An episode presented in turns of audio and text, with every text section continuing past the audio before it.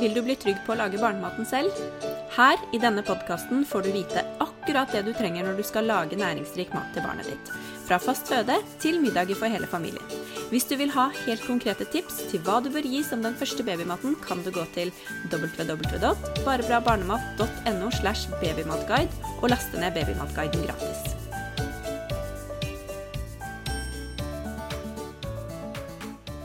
Hva er det tryggeste alternativet når du skal lage barnematen selv og oppbevare barnematen? Er det trygt å lagre i plastikk?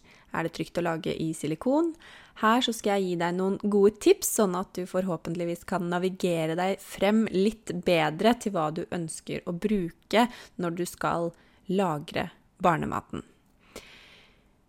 Mamma har jo sånn som tar vare på alt av leker, og jeg husker når Madeleine var eh, baby, så hentet hun frem alle lekene som jeg har hatt når jeg var liten. Og eh, min første tanke var jo det at ok, her er det masse giftstoffer. Fordi jeg hadde lest artikler som viste at det finnes stoffer i leker som ble brukt i plastikkleker før i tida, som nå er forbudt. Så alle leker Jeg lurer på om det er før Nå husker jeg jo ikke det tallet, årstallet helt uh, korrekt, da, men jeg lurer på om det var uh, Alt som er produsert før 2009, skal da kastes, eller at man bør kvitte seg med det. Fordi det nettopp inneholder stoffer som uh, vi vet nå i dag er kreftfremkallende. Så det er jo et eksempel på at vi ofte godkjenner et stoff, eller vi vet ikke nok om et stoff, og så finner vi ut i etterkant at oi, det var visst ikke trygt allikevel. Det fjernes fra markedet, eller det blir en, eh, at det fases ut. Og det her har vi mange eksempler på. Så det som har skjedd nå i det siste, er jo det at det har kommet ut en uh, artikkel, og det var vel uh, Ja, det er nå nylig. Om plast. At det plast slipper ut mye mer giftstoffer enn det vi tidligere har trodd. Og dette her er jo eh, Altså, det er drikkeflasker til barna våre, det er det de barna våre spiser av, det er lekene de leker med. Så helt ny forskning viser jo da at den, sånn som vi ser på vanlig plast, rett og slett, slipper ut flere tusen ulike kjemikalier som barna våre får i seg. Og det her høres jo veldig dramatisk ut. Det er sånn Å, fly rundt i huset, kast alt som har med plast å gjøre.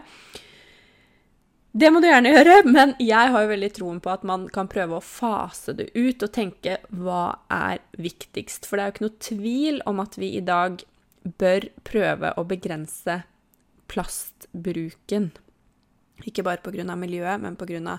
at miljøgifter, altså at disse giftstoffene fra plastikken de akkumuleres, altså de hopes opp i kroppen og skaper eh, oksidativt, det som heter oksidativt stress i kroppen, som da er årsak til kreft, betennelsessykdommer og en del andre utfordringer, diabetes, høyt blodtrykk, som vi har i dag.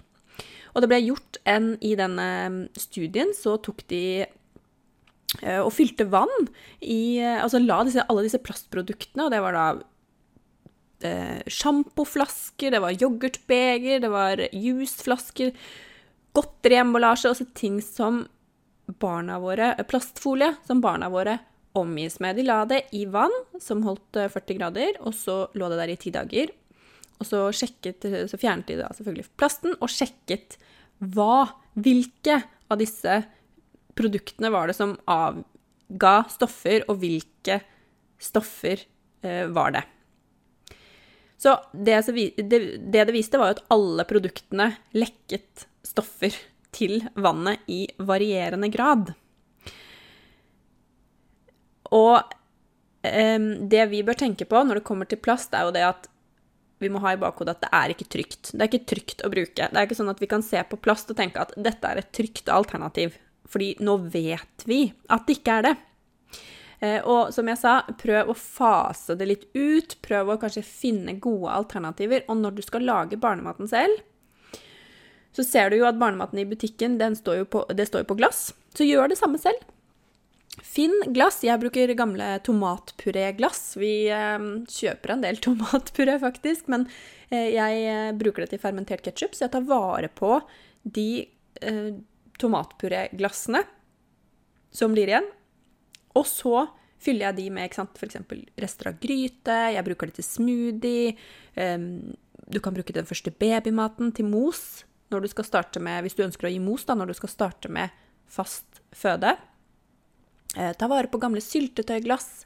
Perfekt. Det koster heller ingenting. Det er jo ikke sånn at du trenger å investere og kjøpe masse nytt, men bare fas det ut. Hvis du bruker mye plast til å lagre i, altså lagre mat i, har mye sånne plastbegre med lokk som du bruker til mat, så fas det ut sånn sakte, men sikkert, og innfør glass.